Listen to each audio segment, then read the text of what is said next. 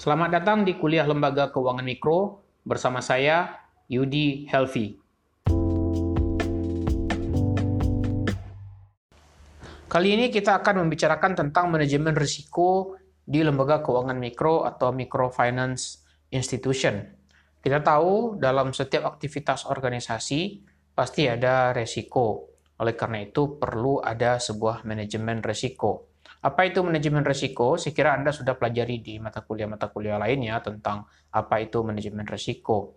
Tapi secara garis umum, eh, manajemen risiko itu adalah kita berusaha mengidentifikasi, eh, menganalisis, mengevaluasi, dan eh, mengendalikan risiko dalam bisnis. Jadi bagaimana agar risiko-risiko yang ada itu bisa kita kendalikan.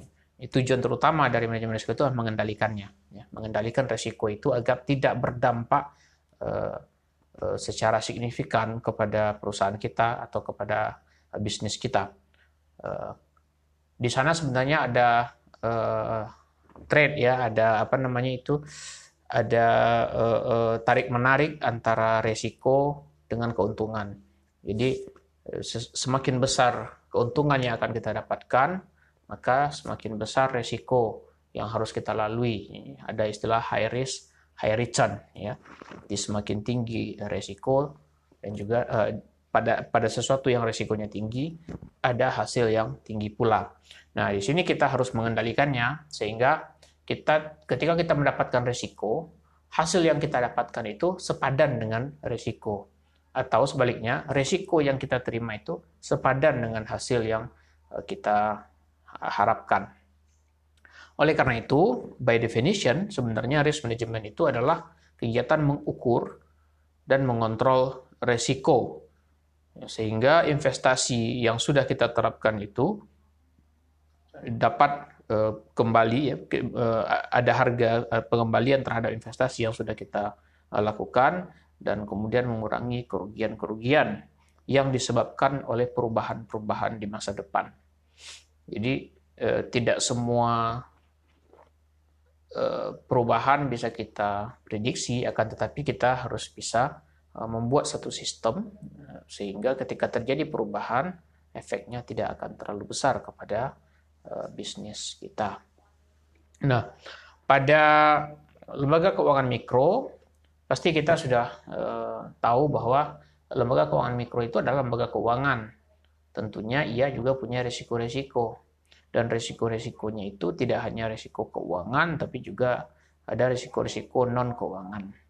Nah, ada banyak teori sebenarnya tentang e, berbagai bentuk risiko dari lembaga keuangan mikro, baik risiko-risiko yang e, dianalisis secara kompleks maupun e, risiko-risiko yang dilihat secara sederhana. Nah, pada kesempatan kali ini saya akan menjelaskan beberapa risiko saja secara sederhana dan bagaimana uh, resiko-resiko ini uh, ditanggulangi atau dikendalikan. Yang pertama, resiko yang dihadapi oleh lembaga keuangan mikro itu adalah resiko dari portfolio pinjaman. Di sini maksudnya adalah lembaga keuangan mikro itu punya resiko dari penempatan uh, atau penyaluran bentuk-bentuk pinjaman yang uh, mereka keluarkan atau mereka salurkan kepada uh, para peminjam ya atau borrowers. Nah, di sini uh, risiko utama dari portfolio yang tidak tepat itu adalah apabila terjadi non repayment loan ya. Jadi utang yang tidak terbayarkan atau pinjaman yang tidak terbayarkan. Asumsinya bahwa terjadi kredit macet. Ini risiko yang paling umum sebenarnya terjadi di lembaga keuangan mikro. Kenapa? Karena kita harus sadari eh, sering kali lembaga keuangan mikro itu tidak mampu untuk eh, melakukan assessment terhadap para calon peminjamnya. Sehingga pinjaman itu disalurkan tanpa eh, melakukan kontrol yang tepat. Nah, ada moral hazard di sini kan seperti kita pernah bicarakan dahulu di awal-awal bahwa ada moral hazard. Jadi eh, pinjaman tersalurkan kepada orang yang sebenarnya tidak layak untuk menerima uh, pinjaman itu atau tidak mampu untuk membayar pinjaman itu. Ya. Bila terjadi resiko seperti ini, otomatis lembaga keuangan mikro itu bisa berada dalam ancaman bahkan kebangkrutan. Nah, untuk mengurangi resiko yang seperti ini ada beberapa aturan ya, atau beberapa cara yang mungkin dilakukan. Uh, saya akan sebutkan mungkin hanya tujuh cara ya. Silakan Anda catat jika misalnya uh, tidak bisa mengingat hanya dengan mendengar. Yang pertama, uh, Anda sebagai manajemen lembaga keuangan mikro harus bisa menentukan aturan yang jelas tentang penyaluran pinjaman ini ya. Aturannya harus jelas, maksudnya adalah uh, apa kriteria penerima pinjaman, siapa uh, pinjaman itu uh, kepada siapa pinjaman itu disalurkan, kemudian apa kriteria pengamanan pinjaman itu, nah kalau tidak diamankan justru akan uh, berbahaya. Kemudian tujuan dari pinjaman itu apa? Apakah pinjaman konsumsi, pinjaman produksi, atau pinjaman uh, apa gitu kan? Karena di uh, nasabah lembaga keuangan mikro ini pasti kebutuhan mereka berbeda-beda. Ya, ada kebutuhan konsumsi, ada kebutuhan produksi, ada kebutuhan uh, untuk berjaga-jaga dan lain-lain. Jadi ini harus kita monitor benar-benar ini penggunaan pinjaman itu apakah sesuai dengan portfolionya atau peruntukannya. Yang kedua, organisasi yang mengatur keputusan penyaluran utang dan penagihannya harus jelas dan efektif. Jadi harus jelas nih pembagian kerja siapa ya eh, yang apa yang yang harus menentukan pinjaman itu layak diberikan atau tidak. Ya, siapa yang buat keputusannya? Jadi kalau kalau dalam perusahaan dalam lembaga keuangan mikro tentu ada organisasi atau orang atau struktur yang bertanggung jawab untuk menentukan ini pinjaman dapat disalurkan atau tidak. Ya, orang ini layak atau tidak untuk menerima dan kemudian disalurkan pinjaman ke dia. Itu harus jelas organisasinya ya, dengan segala prosedurnya. Yang kedua, organisasi atau struktur untuk menjamin repayment, penagihannya bagaimana? Ini juga harus jelas. Jadi eh, dengan kejelasan ini diharapkan sistemnya itu bisa berjalan dengan baik. Kemudian eh, yang ketiga, kita harus menyusun sistem untuk memastikan utang itu dibayar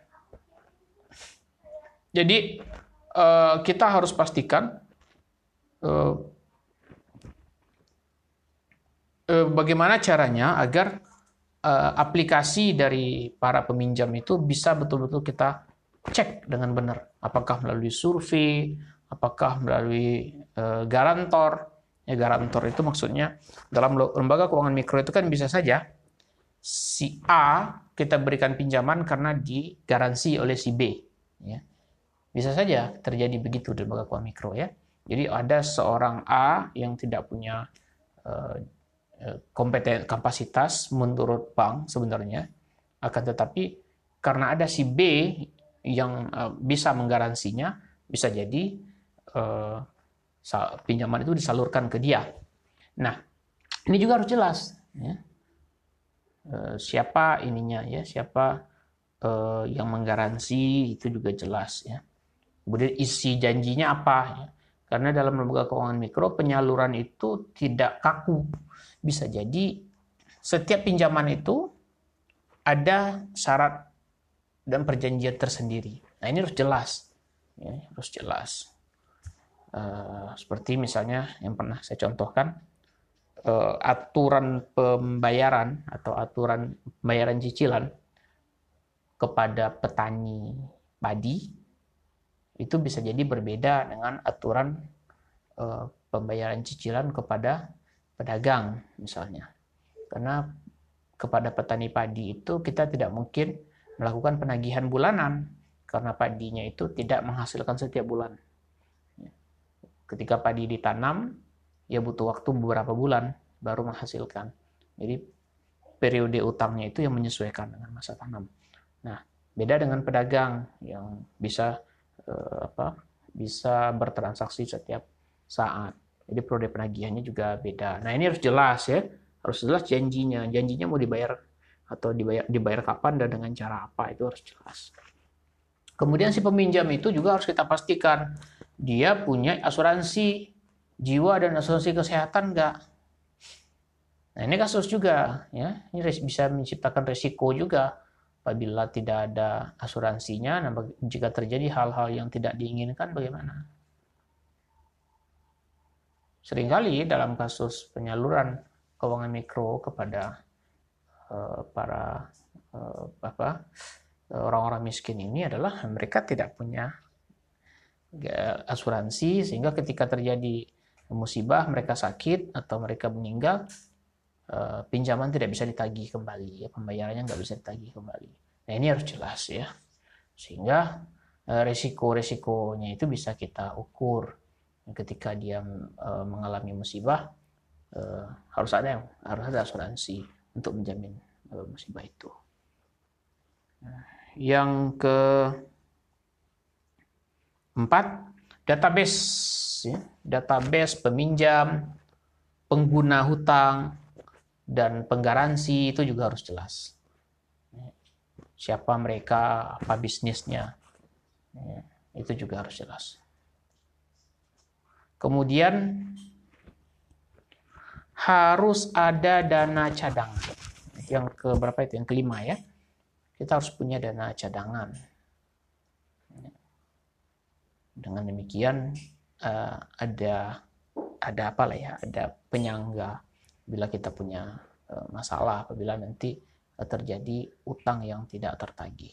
Atau apa piutang yang tidak tertagih atau pinjaman yang tidak tertagih non repayment loan ya. Loan itu L O A N.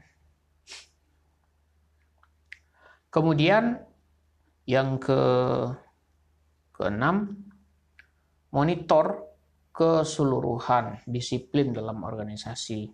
Jadi tadi yang kita sudah susun nih, kita susun organisasinya, kita susun jabatan-jabatan yang yang bertanggung jawab untuk setiap tugas. Itu tidak bisa kita tinggalkan begitu saja, kita harus monitor terus ya supaya dia berjalan dengan baik. Kemudian eh, yang ketujuh kita harus melakukan analisis risiko terhadap bisnis yang mengajukan pinjaman kepada kita. Jadi eh, analisis kalau studi kelayakan bisnis yang mengajukan pinjaman kepada lembaga keuangan mikro itu benar-benar harus serius sehingga tidak eh, tidak mengakibatkan masalah di kemudian hari. Yang kedua, tadi yang pertama ya, risiko dari portfolio pinjaman. Yang kedua, ini adalah resiko karena perbedaan kurs. Kasus ini mungkin tidak akan terlalu terasa bagi lembaga keuangan mikro yang beroperasi secara lokal ya di Indonesia karena mata uang yang dipergunakan hanya satu rupiah saja. Tapi ada kasus lembaga keuangan mikro yang ia bekerja sama dengan uh, funding atau lembaga pembiayaan yang ada di luar negeri ya, funding yang ada di luar negeri atau uh, ada hibah dari luar negeri. Nah, ketika terjadi perubahan kurs, otomatis itu juga membebani kepada mereka. Ketika mata uang kita menguat atau mata uang kita melemah, nah itu pasti ada efek dari hal ini ya, dari masalah ini.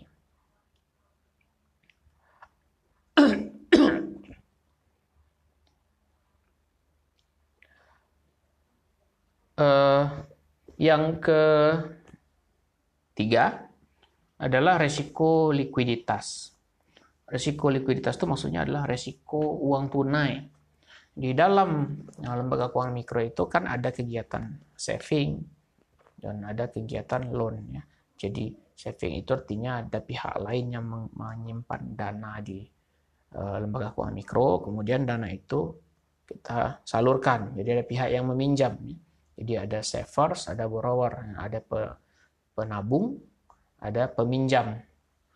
Nah, yang jadi masalah itu adalah bagaimana apabila kita tidak punya cash karena uh, seluruh biaya itu, seluruh sorry, seluruh tabungan itu sudah tersalurkan kepada peminjam. Lalu kemudian terjadi ke kehilangan ini, kekurangan cash di kita. Nah, resiko ini yang disebut dengan resiko likuiditas. Resiko karena faktor cash flow. Kita tidak memiliki dana tunai untuk memenuhi kewajiban-kewajiban. Nah, eh, untuk memenuhi atau untuk menangani resiko ini ada beberapa hal yang perlu diperhatikan. Yang pertama dalam lembaga, lembaga keuangan mikro itu eh, sumber dari cash atau uang yang ada di dalam eh, lembaga keuangan mikro itu ada dua. Ya. Pertama ada yang bersumber dari shareholders atau pemegang saham atau pemodal. Dia memasukkan modalnya ke sana. Yang kedua ada yang dari tabungan atau e, simpanan. Yang ketiga, nah ini lagi yang disebut dengan saving on demand. Saving on demand. Saving on demand itu adalah ada orang-orang yang diminta untuk menyimpan di sana dalam rangka meningkatkan e, jumlah dana yang ditempatkan di perusahaan di, di lembaga keuangan mikro kita sehingga bisa disalurkan. Nah, apabila kita hanya bergantung kepada uh, saving on demand, maka kita sangat beresiko mengalami masalah likuiditas. Apa? Karena saving on demand ini uh, dia biasanya terikat pada perjanjian. Dia akan menyimpan uang dalam jangka waktu tertentu dan kemudian akan mengambilnya di jangka waktu yang lain atau kadang-kadang tidak ada tidak ada perjanjian mereka bisa menarik kapan saja nah ini berbahaya oleh karena itu kita harus membuat persetujuan tentang periode uh, kapan uh, mereka menyimpan ya. Jadi ada ada waktu berapa lama kemudian uh, berapa total simpanan yang harus mereka uh, salurkan ya, harus mereka setorkan. Sehingga saving on demand itu tidak tidak menjadi sangat apa namanya itu fluktuatif ya. Apabila mereka menarik dana secara bersamaan itu susah kita akan susah. Jadi eh, kita tentukan ya, perjanjian yang jelas dengan mereka yang kedua kita harus menarik penabung atau investor yang beragam jangan hanya Eh, bertumbuh pada satu atau sedikit orang. Nah, ini kan banyak teorinya ya.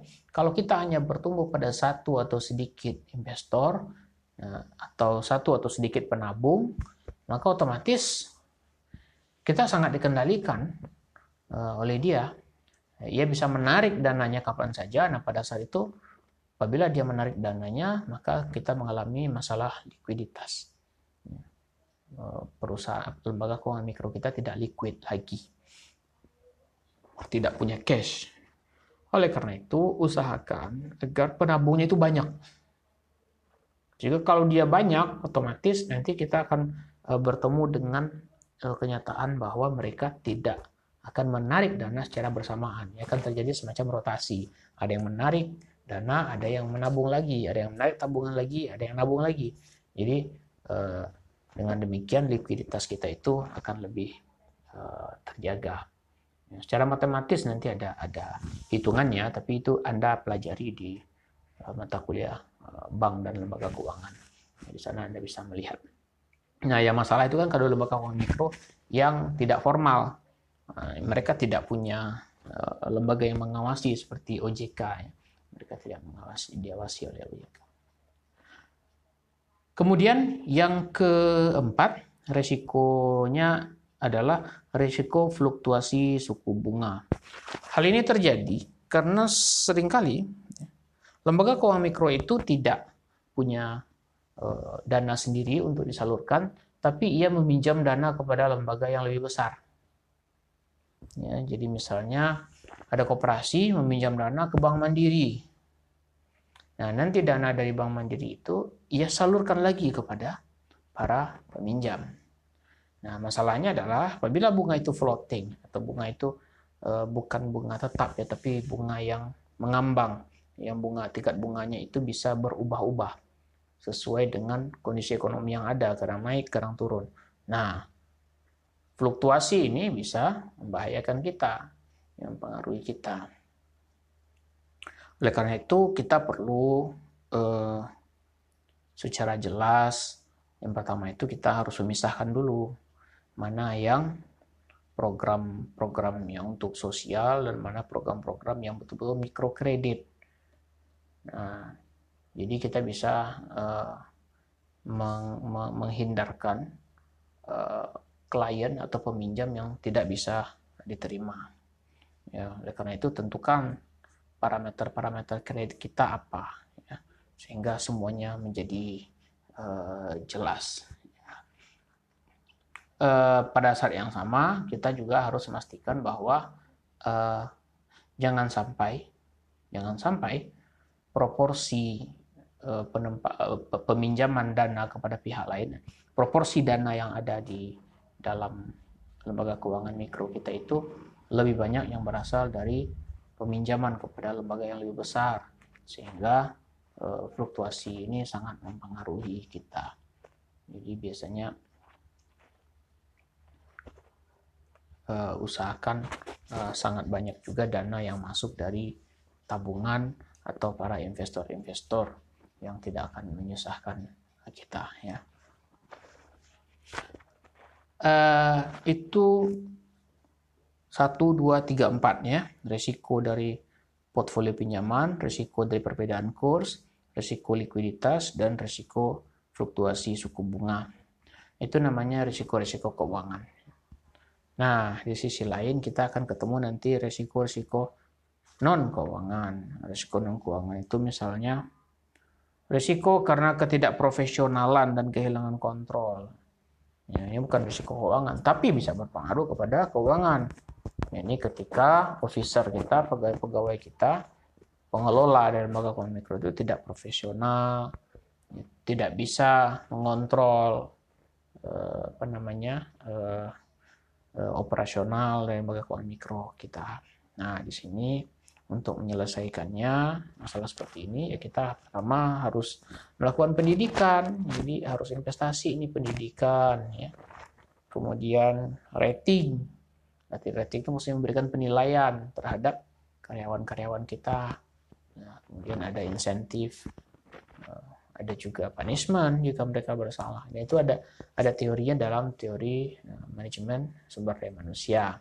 Ya, apakah mereka nanti akan diberikan uh, apa namanya semacam bonus atau uh, diberikan uh, hukuman ya atau misalnya uh, diberikan apa-apa uh, yang lain yang bisa membuat mereka bisa bekerja dengan profesional. Tapi tentunya sebelum itu semua kita sebagai Eh, microfinance atau lembaga keuangan mikro harus membuat terlebih dahulu standar operating operating eh, operating prosedur harus membuat mekanisme kerja menjelaskan mekanisme kerja sehingga eh, para pengelola itu bisa bekerja dengan alur yang tepat. Nah, ada risiko lainnya ini risiko berupa kompetisi yang tidak fair. Ini sebuah risiko juga. Hmm ada kompetisi yang tidak fair yang ada ya, makanya di sana harus ada juga penyelesaian di sini ya karena ada misalnya konsumen-konsumen yang jahat ya, atau kompetitor yang jahat. Kemudian e, mereka melakukan tindakan-tindakan yang tidak fair terhadap lembaga keuangan mikro kita. Nah di sini kita memang harus Eh, berseri serius misalnya untuk menghindari tindakan-tindakan yang tidak fair itu ya, kita harus uh, apa ya memanfaatkan atau mendorong negara untuk menggunakan aturan menegakkan aturan-aturan. Ya, kemudian uh, kita bekerja sama dengan media. Di sana kita menunjukkan bagaimana kita menjalankan bisnis secara baik, misalnya dengan mempublikasi laporan-laporan kita, mempublikasi statistik kita, informasi produk kita, yang itu bisa diketahui oleh publik sehingga muncul uh, trust publik kepada kita. Kemudian kita juga harus meningkatkan kepercayaan konsumen kepada kita.